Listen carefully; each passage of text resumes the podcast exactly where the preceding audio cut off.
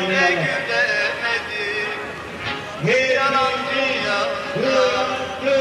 Sevgimiz Ermeniyiz Filmde canlandırdığım Nuray karakteri inandığı şeylerle varoluşu için mücadele veren ve bu uğurda bedeller ödemek zorunda bırakılmış bir kadın. Ah yalan They tried to kill democracy. Yalan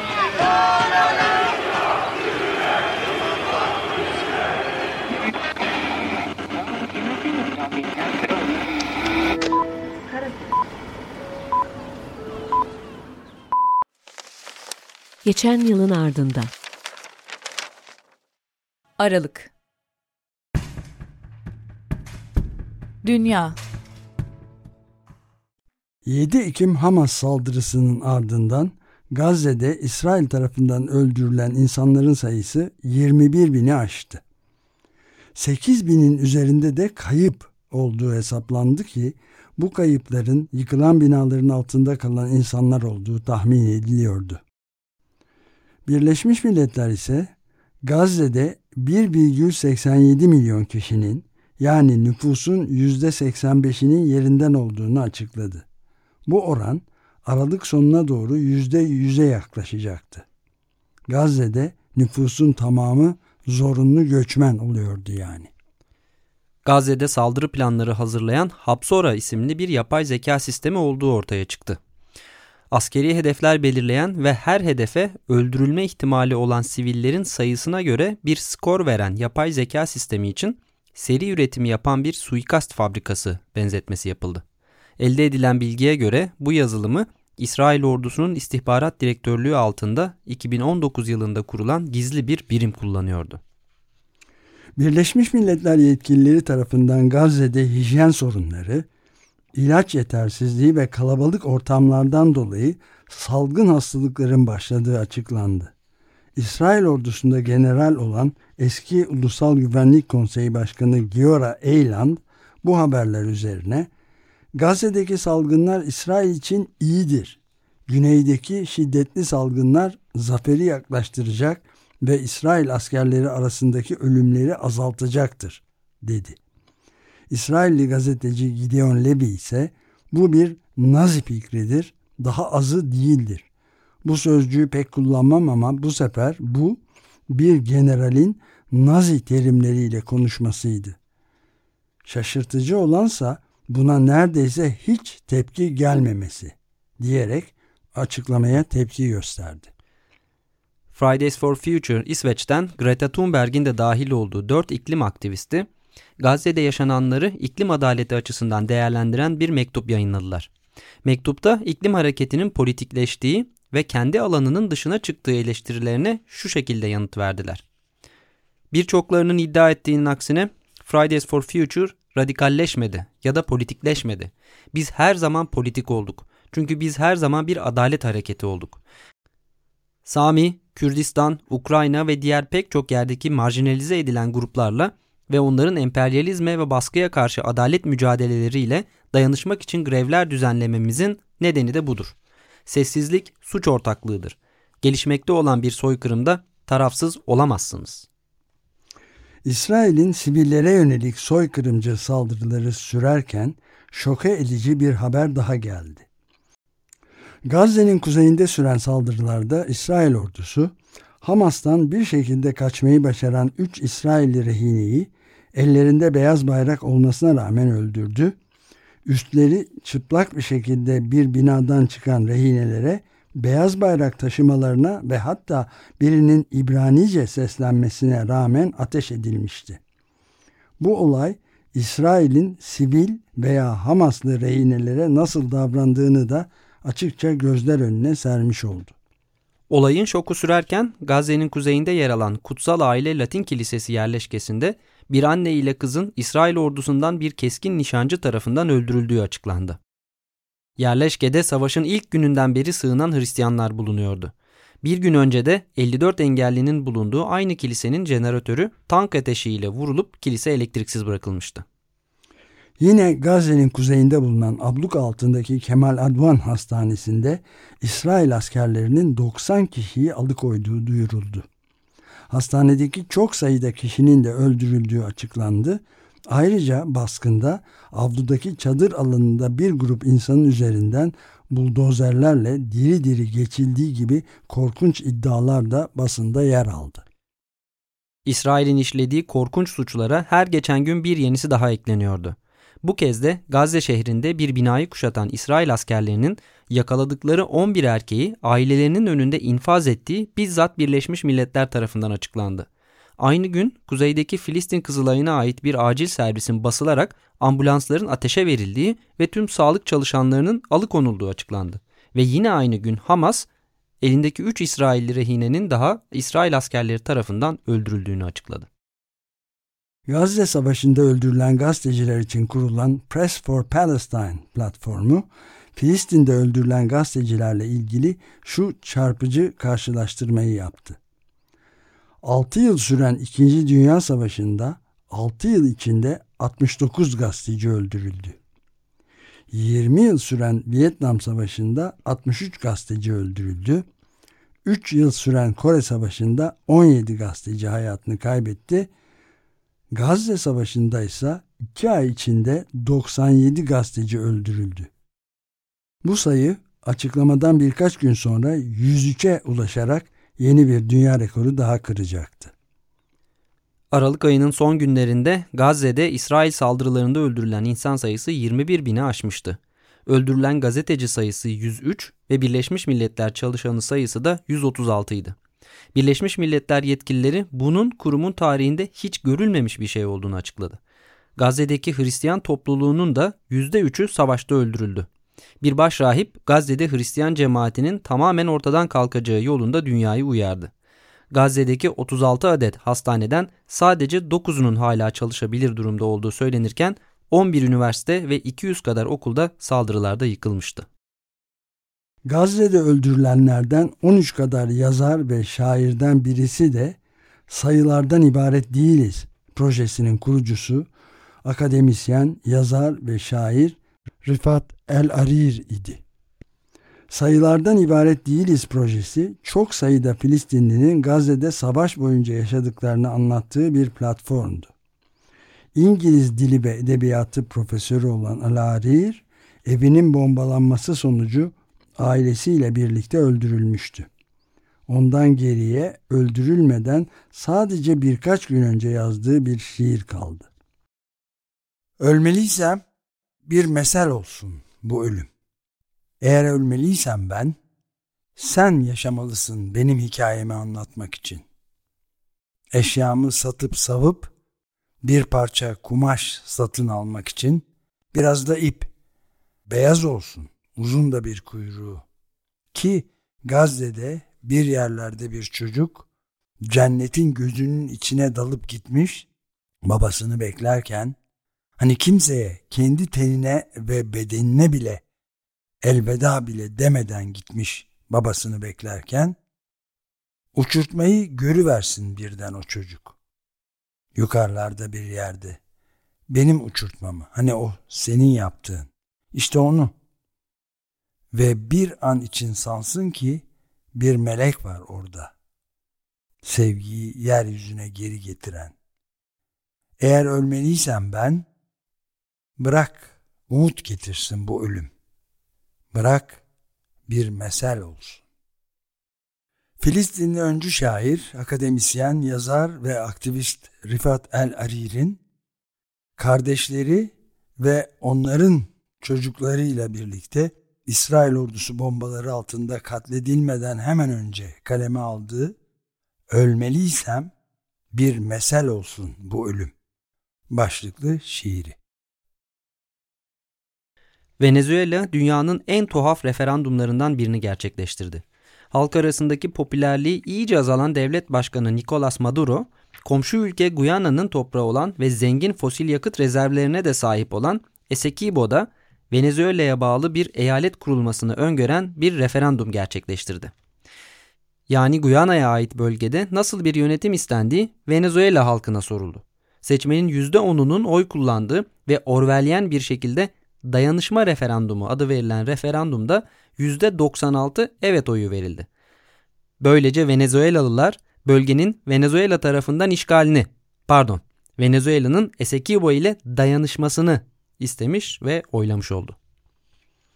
Fox News'un azgın sağcı sunucusu Sean Hannity'ye röportaj veren Donald Trump, tam da kendisinden bekleneceği gibi deli manyak açıklamalarda bulundu. Beyaz eve dönmesi halinde gücünü kötüye kullanacağı ihtimalini reddetti ama kendisine karşı siyasi amaçlı olduğunu iddia ettiği kovuşturmalar nedeniyle intikam alma sözü de verdi. Trump sunucunun diktatör olmayacaksınız değil mi sorusuna hayır hayır hayır ilk gün hariç sınırı kapatıyoruz ve sondaj yapıyoruz. Sondaj yapıyoruz, sondaj yapıyoruz. Ondan sonra diktatör değilim dedi. Trump böylece başkanlığının ilk gününde başkanlık etkilerini kullanarak Meksika ile olan güney sınırını kapatacağını ve petrol ve gaz gibi fosil yakıtların sondajını genişleteceğini, dünyanın sonunu getirmekte kararlı olduğunu açıkça dünyaya ilan etti. Cumhurbaşkanı Erdoğan 6 yıl aradan sonra günübirlik ziyaret kapsamında gittiği Yunanistan'da Türkiye-Yunanistan arasında iyi komşuluk ilişkileri konulu Atina bildirgesini imzaladı. Böylece iki ülke arasında bir yumuşama dönemine girilmiş oldu. Yunanistan, Türk vatandaşlarına Doğu Ege'deki 10 adaya kapıda 7 günlük vize alma imkanı tanıyacağını da açıkladı. Aynı gün başka iki tırnak içinde düşman ülke arasında da tarihi bir anlaşmaya varıldığı açıklandı. Azerbaycan'la Ermenistan arasında nihai bir barış anlaşmasına yönelik önemli bir eşik aşıldı. Öncelikle esir askerlerin takası konusunda anlaşıldığı duyuruldu. Sonra da Ermenistan COP29 zirvesi adaylığından Azerbaycan lehine çekildiğini açıkladı. Fransa'da Macron hükümetinin göçü kontrol altında tutmaya yönelik göçmen yasası önerisi çok ayrımcı diyen sol partiler ile yeterince sert değil diyen sağ partilerin ortak oyu ile reddedildi. Ancak bunun üzerine ertesi hafta Macron hükümeti çok daha sert bir göçmen yasa tasarısı hazırladı. Bu yeni yasa tasarısı bu sefer Faşist Parti Ulusal Birliği'nin desteğiyle parlamentodan geçti ve parti lideri Marine Le Pen yasayı ideolojik bir zafer olarak tanımladı. Macron'un partisi ise aşırı sağ verilen bu taviz nedeniyle bölündü. Kendi partilerinin önerisine 20 vekil karşı oy verirken 17 vekil de oturuma katılmadı. Sağlık Bakanı ise yasanın geçmesi üzerine istifa etti. Arjantin'in yeni azgın sağcı başkanı Javier Milei ise seçimlerin ardından sonunda başkanlık koltuğuna oturdu ve daha ilk gününde Gazze işgali hakkında İsrail'i cennet güçlerinin desteklediğini söyledi.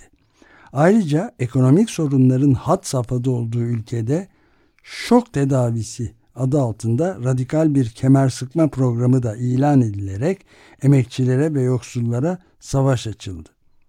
Milley göreve başladıktan birkaç gün sonra da toplumsal muhalefete karşı bir demir yumruk uygulaması ilan etti. Bu güvenlik uygulamasına göre işçi, öğrenci ve toplumsal hareket eylemlerine karşı ülkenin dört büyük ordu ve polis birimi ortak müdahale edecekti. Ancak bu açıklamanın ardından beklenen oldu ve Milley döneminin ilk büyük protesto eylemi yaşandı. Başkent Buenos Aires'te işsizleri temsil eden grupların başını çektiği binlerce kişi yoksullara daha fazla devlet yardımı çağrısı ile sokağa döküldü.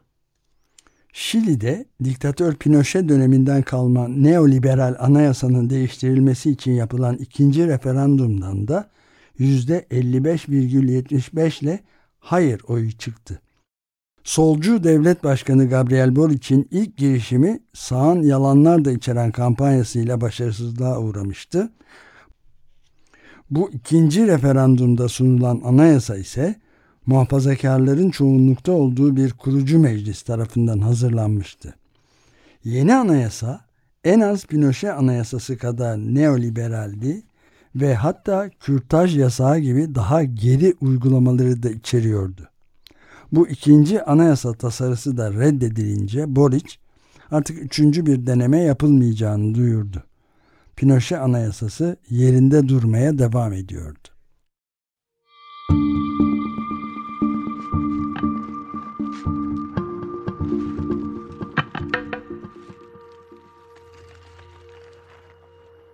Türkiye 2017'de Diyarbakır'daki Nevroz kutlamalarında polis tarafından vurularak öldürülen Kemal Kurkut'un vurulduğu anın fotoğrafını çeken gazeteci Abdurrahman Gök, 225 gün süren tutukluluğunun ardından tahliye edildi.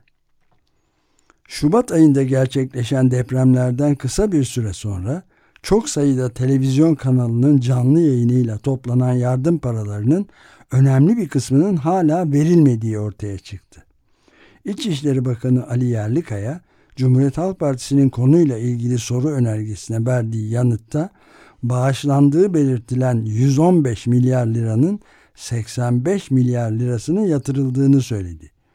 Geriye kalan 30 milyar liralık vaadin 10 aydır yerine getirilmediği anlaşıldı ama bakan yardımların yatırılması için görüşmelerin hala devam ettiğini açıklayarak içimize su serpti. MKE Ankara Gücü Kulübü Başkanı Faruk Koca, bir bir berabere kaldıkları Çaykur Rizespor maçının ardından hakem Halil Umut Meler'e yumrukla saldırdı. Aldığı darbeyle yere düşen Meler, Koca'nın yanındaki bazı kişilerce yerde tekmelendi. Faruk Koca verdiği ifadede şu absürt sözleri söyledi. Hakemin verdiği yanlış kararlar ve tahrik edici davranışlardan dolayı bu olay gelişmiştir. Benim amacım hakeme sözlü tepki gösterip yüzüne tükürmekti. Bu esnada hakemin yüzüne bir tokat attım. Faruk Koca Ankara Gücü Kulüp Başkanlığından istifa etmek zorunda kaldı. Üyesi olduğu AKP'den de ihraç edildi. Türkiye Futbol Federasyonu ligleri bir hafta tatil ettiğini açıkladı. Adı banka dolandırıcılığı olayına da mağdur olarak karışan MKE Ankara Gücü Teknik Direktörü Emre Belözoğlu ise sadece çok üzgünüm demekle yetindi. Bu olaydan bir hafta kadar sonra sahalarda yine şiddet vardı. Önceki aylarda Ahmet Spor oyuncularına karşı ırkçı sloganlar atan ve şiddet uygulayan Bursa Spor taraftarı ve oyuncuları bu sefer de Diyarbakır Spor oyuncularına aynı şey yaptı. Bursa'da oynanan maçta Diyarbakır Spor'un attığı ikinci gol sonrası saha karıştı. Bursa Sporlu oyuncular ve sahaya giren bazı kişiler golden sonra Diyarbakırlı futbolculara saldırdı. Maçın ardından soyunma odaları koridorunun girişinde toplu olarak bekleyen Bursa Sporlu futbolcular ve kulüp personeli Diyarbakırlı futbolculara tekme ve yumruklarla bir kez daha saldırdı. 5 Bursa Sporlu futbolcu kırmızı kart gördü ve maç 2-0 Diyarbakır Spor üstünlüğüyle sonuçlandı. Disk ve Keskin 2014 ve 2015'te 1 Mayıs'ın Taksim Meydanı'nda kutlanmasının engellenmesine ve polis şiddetine ilişkin başvurusunu görüşen Anayasa Mahkemesi yasağın hak ihlali olduğuna karar verdi. Böylece bir umut önümüzdeki 1 Mayıs'ta Taksim Meydanı işçilere açılabilecekti. Türkiye Cumhuriyet Merkez Bankası yılın son faiz artırımını yaparak politika faizi oranını %42,50'ye çıkardı. Böylece Mayıs ayındaki seçimler öncesi %8,50 olan faiz oranı tam 5 kat artırılmış oldu.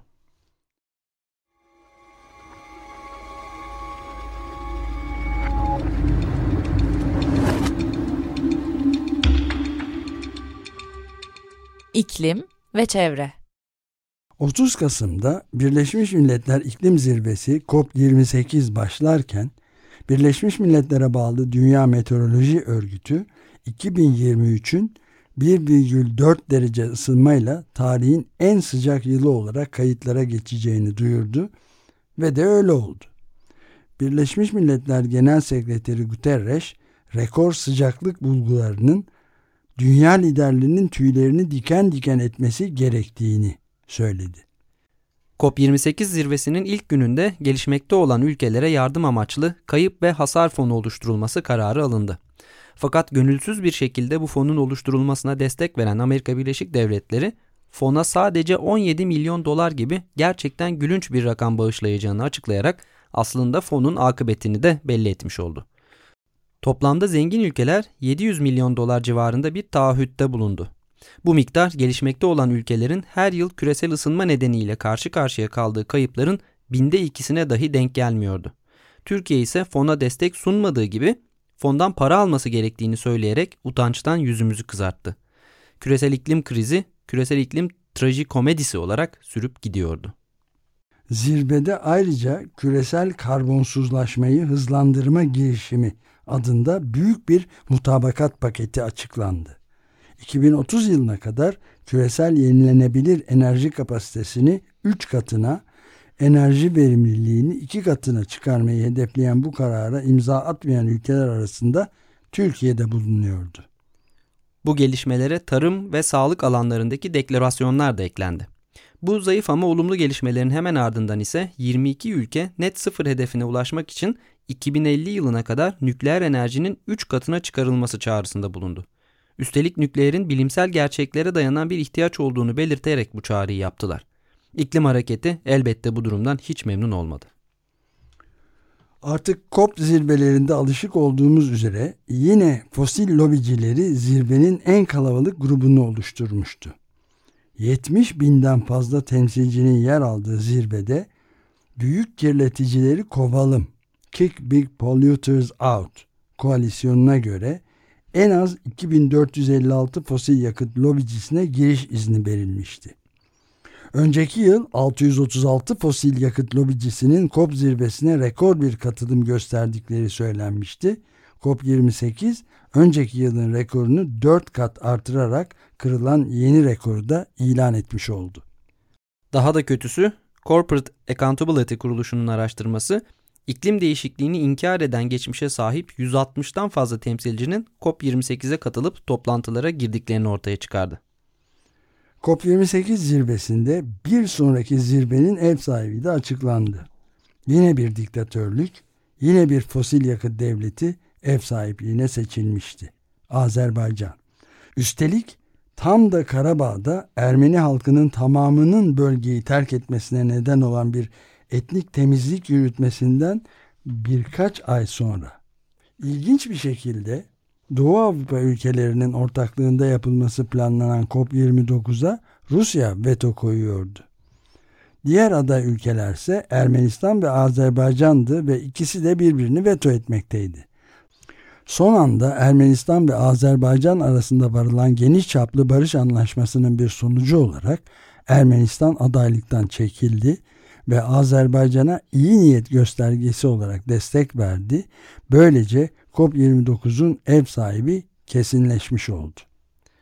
COP zirvesinin en önemli anı final metniydi. Çünkü ilk kez bir zirve metninde fosil yakıtlardan çıkış kavramının geçmesi gerektiği konusunda hem çok sayıda devletin hem de iklim gruplarının yoğun baskısı vardı. Ancak karşı tarafta da başını Suudi Arabistan ve OPEC ülkelerinin çektiği bir direniş hattı vardı. Üstelik Türkiye de bu direniş hattının yanında yer alıyordu. Sonuçta bir kez daha fosilciler kazandı. Metin üzerinde fosil yakıtlardan çıkış kelimesini değiştirmek için İngilizcenin sınırlarını zorlayan birkaç gün geçirildi ve sonunda devletler şu cümlede ortaklaştı. Enerji sistemlerinde fosil yakıtlardan adil, düzenli ve hakkaniyetli bir şekilde uzaklaşılması. İlk kez fosil yakıtlar kavramı bir COP zirvesinde resmi belgeye böylece girmiş oldu ama aynı zamanda fosil yakıt çıkarılmasına ve kullanılmasına dair somut bir sınırlama getirilememiş de oldu. Nihai metinde nükleer gibi tehlikeli ve karbon yakalama yöntemleri gibi kanıtlanmamış teknolojilere destek cümleleri de yer aldı. Geçiş yakıtları adı altında sıvılaştırılmış gazın destekleneceği de yer aldı. Türkiye zirvede devletlerin bir araya gelerek ilan ettikleri 10 deklarasyondan sadece 3'üne imzacı oldu.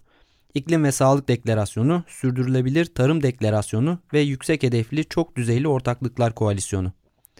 Türkiye delegasyonu içerisinde çevre yıkımına sebep olan şirket temsilcileri ve fosil yakıt endüstrisi temsilcileri de yer aldı. Türkiye ayrıca fosil yakıtlardan çıkışa karşı çıktığı gibi gelişmekte olan ülkeler için kurulan kayıp ve hasar fonundan da yararlanması gerektiğini söyledi. Zirvenin çıktılarını değerlendiren 350 Org ve Third Act yani 3. perde kuruluşlarının kurucularından yazar ve aktivist Bill McKibben zirvenin kararları için anlamsız dedi ama iklim aktivizmi için potansiyel bir anlamı olduğunu da ekledi. Özellikle fosil yakıtlardan uzaklaşılması kelimelerinin hareket için bir araç olarak kullanılabileceğini yazdı. Guardian çevre muhabiri Jonathan Watts, Zirveyi değerlendirdiği yazısında kazananları şu şekilde sıraladı.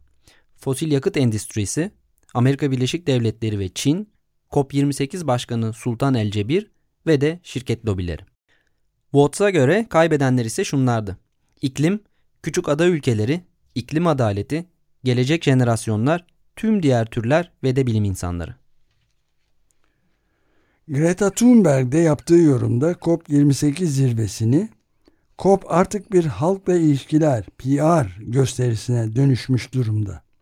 Bir başka ihanet ve arkadan bıçaklama vakası diye yorumladı. Climate Action Tracker raporu dünyanın en zengin 20 ülkesinin oluşturduğu G20 ülkelerinin hiçbirinin küresel ısınmayı 1,5 derece ile sınırlı tutma hedeflerine uygun politikalar izlemediğini açıkladı.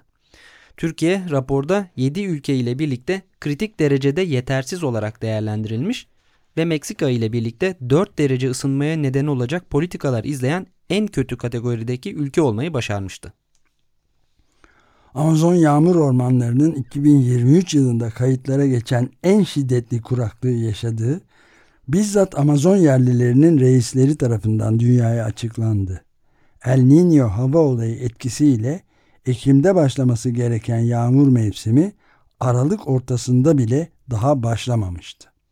Cross Dependency Initiative raporu dünya genelinde 16.245 hastanenin yani her 12 hastaneden birinin iklim değişimi kaynaklı aşırı hava olayları nedeniyle bu 100 yıl içerisinde kısmen veya tamamen kullanılamaz hale gelme riski taşıdığını açıkladı. Bu riskli hastanelerin %71'i düşük ve orta gelirli ülkelerde yer alıyordu. Uluslararası haber ajansı Reuters'ın araştırmasına göre Rusya'nın Ukrayna'yı işgali nedeniyle ambargo politikaları devam ederken Türkiye ve Türk şirketleri indirimli Rus petrolü ve rafine ürün ithalatını artırmıştı. Bu sayede Türkiye'nin 2023 enerji faturalarında yaklaşık 2 milyar dolar tasarruf ettiği açıklandı. Tekirdağ Namık Kemal Üniversitesi'nden Profesör Doktor Lokman Hakan Tecer, son 50 yılda Marmara Denizi ortalama sıcaklığının 1970 yılından itibaren 2,5 santigrat derece artarak 17,8 derece yükseldiğini açıkladı. Üstelik bu sıcaklar sadece Marmara Denizi'nde artmakla kalmamış, Karadeniz'de 0,9 derece, Ege Denizi'nde 1,4 derece ve Akdeniz'de de 1,2 derece artmıştı. Danıştay, iklim aktivisti 3 genç Ela Naz Birdal, Seren Anaçoğlu ve Atlas Sarrafoğlu tarafından Mayıs ayında açılan Türkiye'nin ilk iklim davasını incelemeden davanın tarafları olan Cumhurbaşkanlığı ile Çevre, Şehircilik ve İklim Değişikliği Bakanlığı'na dava dilekçesini tebliğ etmeden ve başvurucuların yanıtlarını dahi almadan reddetti. Danıştay, tırnak içinde, uyuşmazlıkta konu edilen ulusal katkı beyanının tek başına iç hukukta etki eden bir yanının olmadığı, tırnak kapat, gerekçesiyle red kararı verdiğini duyurdu. Danıştay yılın hukuk kararını vermişti.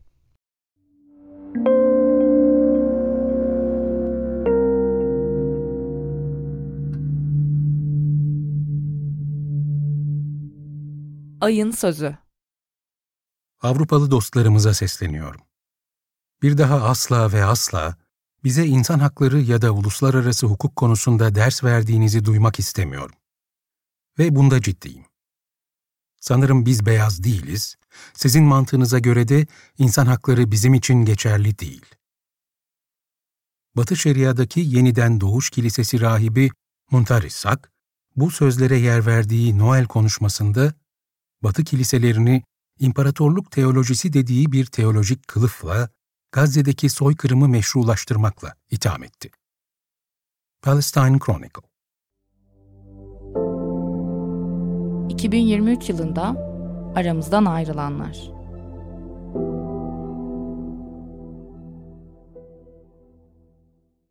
Ocak Gangsta Boo, müzisyen. Walter Cunningham, astronot. Michael Snow, deneysel sinemacı, müzisyen. Şehmus Bagley, akordeon sanatçısı ve kemancı. Adolfo Kaminski, sahte belge hazırlayarak binlerce Yahudi çocuğun hayatını kurtaran Yahudi direnişçi. Jeff Beck, müzisyen, gitarist. İkinci Konstantin, Yunanistan'ın son ve devrik kralı. Yukihiro Takahashi, müzisyen. Lisa Marie Presley, müzisyen. Burhan Çaçan, müzisyen. Gaspar Mikloş Tamaş, Marksist siyasetçi ve edebiyatçı. Gina Lolo Brigida, oyuncu. Ümit Aslan, akademisyen. David Crosby, müzisyen. Yalçın Yelence, yönetmen. Orhan Erinç, gazeteci. Tom Verlaine, müzisyen. Will Stephen, kimyager, iklim bilimci. Şubat, Elvan Dalton Yılmaz, müzisyen. Erdinç Çelikkol, bestekar. Paco Rabanne, moda tasarımcısı. Zilan Tigris, müzisyen. Burt Bacharach, piyanist, besteci. Marianne Mantle, elektronik kitabın mucidi. Hugh Hudson, yönetmen. Deniz Baykal, siyasetçi. Proteo, Maraş depremleri sonrası Türkiye'ye gelen Meksikalı arama kurtarma köpeği. Doğan Sakin, rock grubu Kramp'ın kurucusu, gitarist. Paul Berg, biyokimyacı, Nobel Kimya Ödülü sahibi. Güngör Mengi, gazeteci. Ahmet Kurey, eski Filistin Başbakanı. Sabih Kanadoğlu, eski Yargıtay Cumhuriyet Başsavcısı. Kazım Aşkar, oyuncu. Mart, Just Fontaine, futbolcu. Marie Bauermeister, Fluxus sanatçısı. Wayne Shorter, müzisyen. Kenzaburo Oe, yazar, Nobel Edebiyat Ödülü sahibi. Ayşegül Sarıca, piyanist. Emilia Canvisi, Midilli Adası'nın Cundalı bir mübadil olan mülteci dostu büyük annesi. Dick Fosbury, atlet. Lucy Salani, Nazi toplama kamplarından sağ kurtulduğu bilinen tek trans. Kirkor Yeteroğlu, şair. Niyazi Dalyancı, gazeteci, açık radyo programcısı. Köksal Engür, oyuncu. Ryuichi Sakamoto, besteci, yapımcı, oyuncu. Nisan, Sungu Çapan, yazar ve eleştirmen. Hakan Bakırcıoğlu, Hrant Dink ailesi avukatı. Ryuichi Sakamoto, müzisyen. Yunupingu, aborijin yani Yolmu halkından yerli hak savunucusu. Tolga Akyıldız, gazeteci. Ben Ferenç, Nazileri yargılayan savcıların sonuncusu. El Ceffi, karikatürist. Ahmet Cemal, piyanist. Rana Cabbar, oyuncu. Harry Belafonte, müzisyen, aktivist. Mayıs, Asya Abdülmecit, Sudanlı oyuncu ve öğretmen. Philip Soler, yazar, yayıncı. Kemal Derviş, siyasetçi ve ekonomist. Rita Lee, müzisyen. Nuri Sesi Güzel, şarkıcı.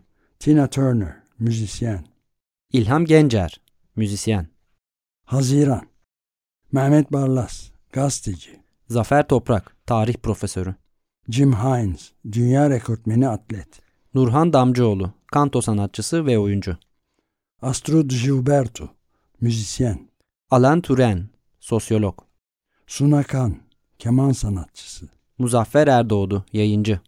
Silvio Berlusconi, İtalya eski başbakanı, medya patronu. Cormac McCarthy, yazar.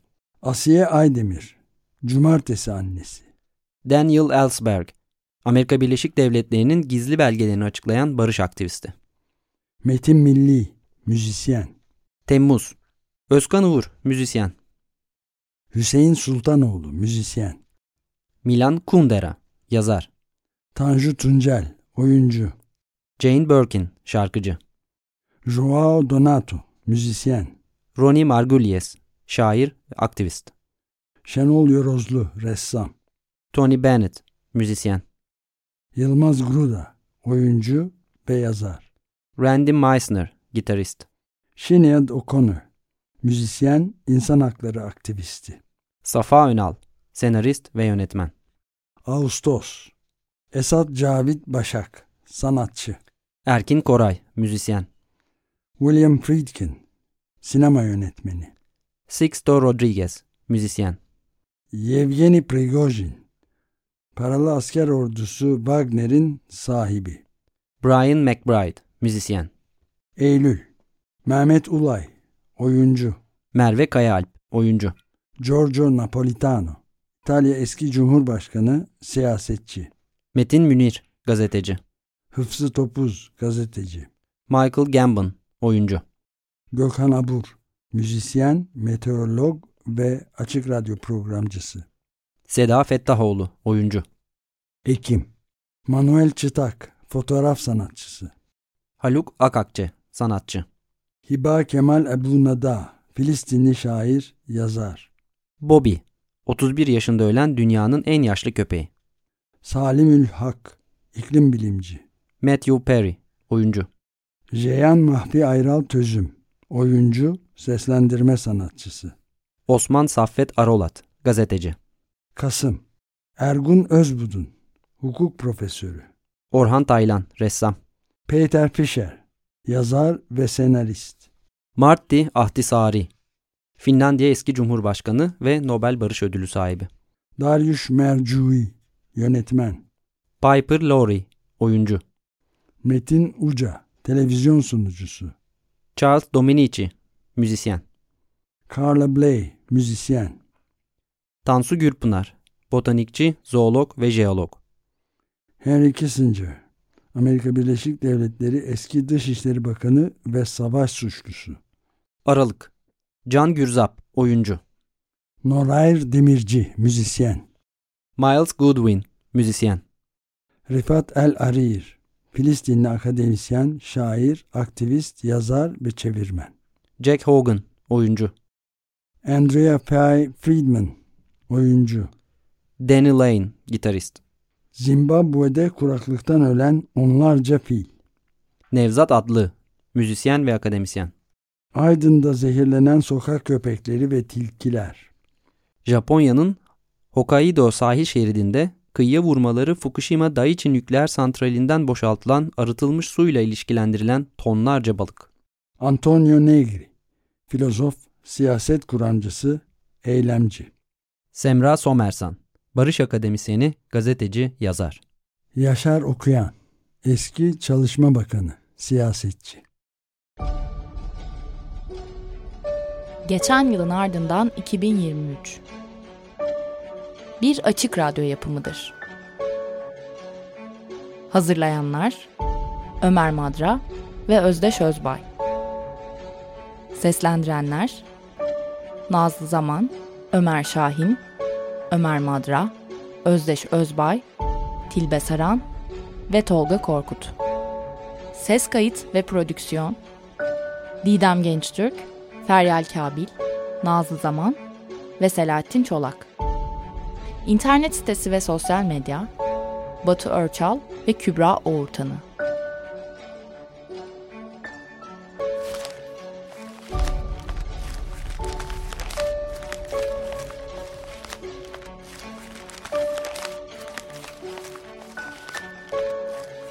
...2023 yılı da işte böyle geçti.